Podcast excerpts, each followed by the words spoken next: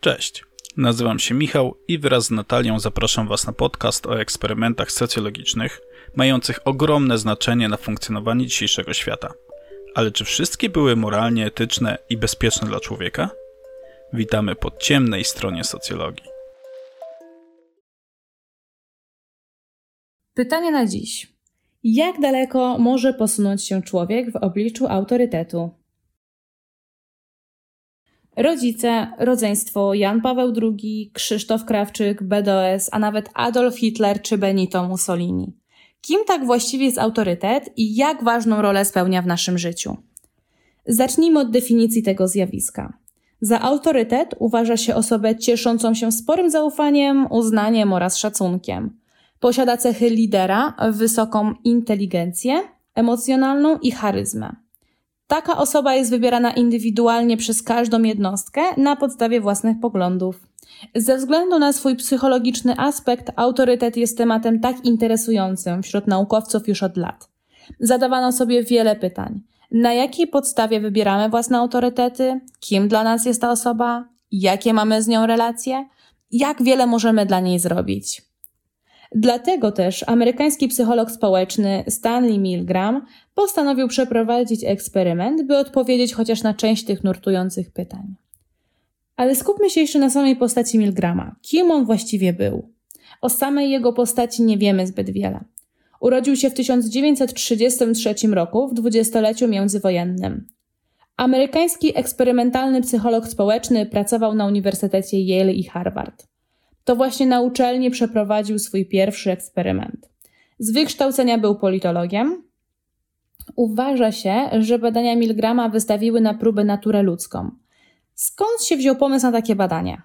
Milgram, który sam był Żydem z pochodzenia, zajmował się studiami nad autorytaryzmem i totalitaryzmem, szukając m.in. odpowiedzi na pytanie, co sprawiło, że zwyczajni ludzie nie oparli się naciskom nazistów i dopuścili się niewyobrażalnych zbrodni, tłumacząc się potem tym, że jedynie wykonywali rozkazy.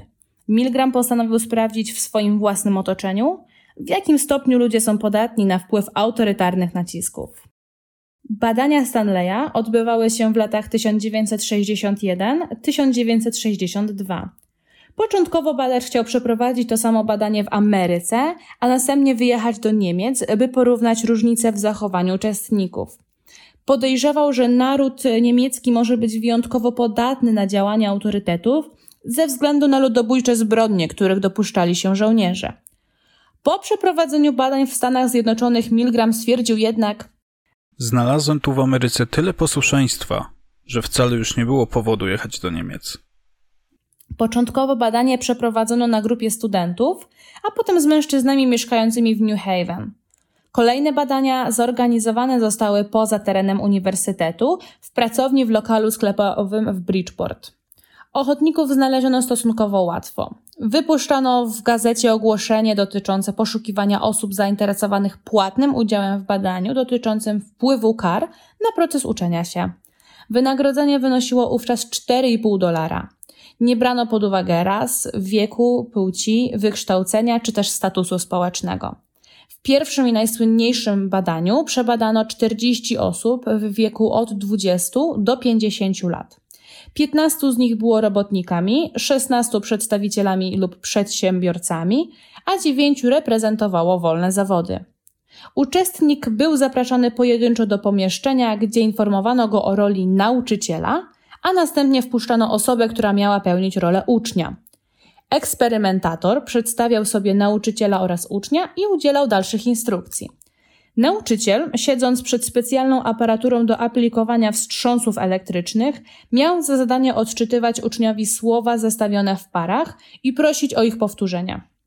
Uczeń w trakcie trwania badania miał znajdować się w sąsiednim pomieszczeniu. Nauczyciel i uczeń w czasie trwania eksperymentu nie widzieli się nawzajem i zasiadać w fotelu. Do ciała ucznia doczepione były przewody elektryczne połączone z aparaturą elektryczną znajdującą się w pomieszczeniu, w którym pozostał nauczyciel. Za każdą błędną odpowiedź nauczyciel, czyli nasza osoba badana, miał za zadanie aplikować uczniowi coraz mocniejszy wstrząs elektryczny, począwszy od 15 V do maksymalnego wstrząsu 450 V. Jednocześnie eksperymentator zapewnił obie strony, że aplikowane bodźce elektryczne nie stwarzają żadnego zagrożenia dla zdrowia i życia ucznia. Znaczącą wagę miało również zachowanie eksperymentatora, którego grał zawodowy aktor o bardzo oficjalnym wyglądzie, ubrany w fartuch laboratoryjny. Jeśli w pewnym momencie nauczyciel zwracał się do eksperymentatora z wątpliwościami co do dalszego kontynuowania wstrząsów, eksperymentator odpowiadał: Proszę kontynuować.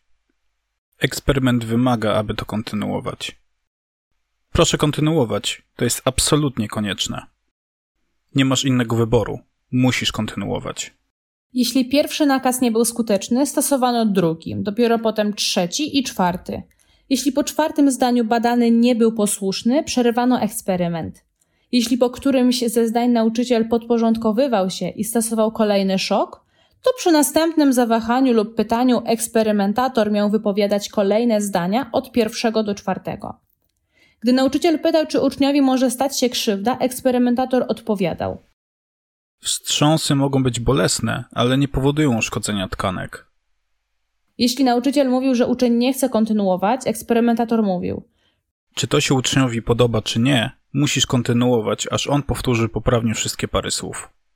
Eksperymentator był pewny siebie i mówił zawsze stanowczym głosem, ale nie był niegrzeczny. A jak wyglądało zachowanie naszego uczestnika badania, nauczyciela? Rzeczywiste osoby badane odbierały eksperyment jako bardzo nieprzyjemny. W artykule Milgrama jest opis zachowania jednego z nich. Miałem okazję obserwowania jednego z badanych, dojrzałego i zrównoważonego biznesmena, wchodzącego z uśmiechem i pewnością siebie do laboratorium. Po dwudziestu minutach ten sam człowiek był trzęsącym się i wiercącym, jąkającym się nerwowo wrakiem na granicy załamania psychicznego. Bez przerwy wyłamywał sobie palce i pociągał się za ucho. W pewnym momencie przyłożył obie pięści do czoła ze słowami: Boże, niech to się wreszcie skończy a jednak reagował na każde słowo badacza i posłusznie ulegał jego poleceniom aż do samego końca. Wszystkie osoby badane w pewnym momencie zadawały pytanie o to, czy należy aplikować kolejny wstrząs elektryczny. Widać było, że badani męczyli się z powodu cierpień ofiary. Prosili badacza, aby pozwolił im przestać. Gdy odmawiał, kontynuowali, ale trzęsąc się, pocąc, jąkając. Obgryzali paznokcie, niekiedy wybuchali nerwowym śmiechem. Niektórzy oszukiwali, sądząc, że pozostanie to niezauważane i dawali ofierze mniejsze wstrząsy niż powinni. Kilku badanych poprosiło, aby zwolnić ich z dalszej konieczności stosowania szoków. Chcieli też oddać pieniądze, które dostali za udział w badaniu, mimo że na początku zaznaczono, że pieniądze dostają za samo przyjście do laboratorium, bez względu na to, jak przebiegnie eksperyment. W rzeczywistości całe badanie było mistyfikacją. Uczeń był pomocnikiem eksperymentatora, wynajętym aktorem. Jego zadaniem było często mylić się i odpowiadać błędnie na polecenia wydawane z sąsiedniego pomieszczenia przez nauczyciela. Również wszystkie urządzenia elektryczne były atrapą. Uczeń miał jedynie zachowywać się tak, jakby rzeczywiście był poddawany wstrząsom elektrycznym.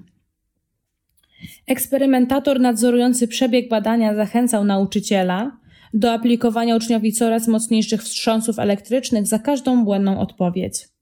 Jak się okazało, większość uczestników eksperymentu aplikowała uczniom kolejne wstrząsy elektryczne, nawet gdy z sąsiedniego pomieszczenia rozlegały się krzyki i protesty osoby rażonej prądem, odgłosy walenia nogami w ścianę i inne sygnały wskazujące wyraźnie na to, że uczeń doznaje bólu i cierpienia.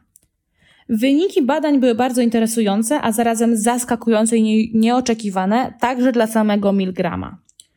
Okazuje się, że na 40 uczestników badania jedynie 5 zaprzestało stosowania elek bodźców elektrycznych, wbrew poleceniom eksperymentatora, gdy tylko usłyszeli krzyki i protesty ucznia.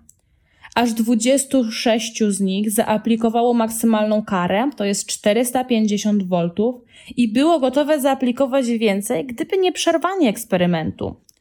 W badaniu łącznie wzięło udział ponad tysiąc osób z różnych stanów.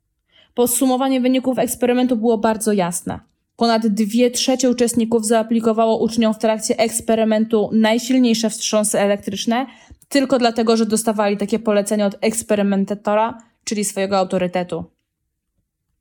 Wyniki nie zmieniały się ze względu na wiek uczestników, nie odgrywała roli także płeć ani narodowość. Nie spodziewano się tak wysokiego odsetka osób całkowicie ulegających. Całkowita nietrafność przewidywań zarówno psychiatrów, jak i studentów dowodzi niezdawania sobie sprawy wcześniej, jak wielka jest presja wywierana na człowieka przez osoby obdarzone autorytetem, a także jak mocno uzależnione jest złudzenie niezależności własnej osoby od wpływów innych ludzi. Badanie Stanleya było szeroko komentowane i krytykowane w wielu środowiskach.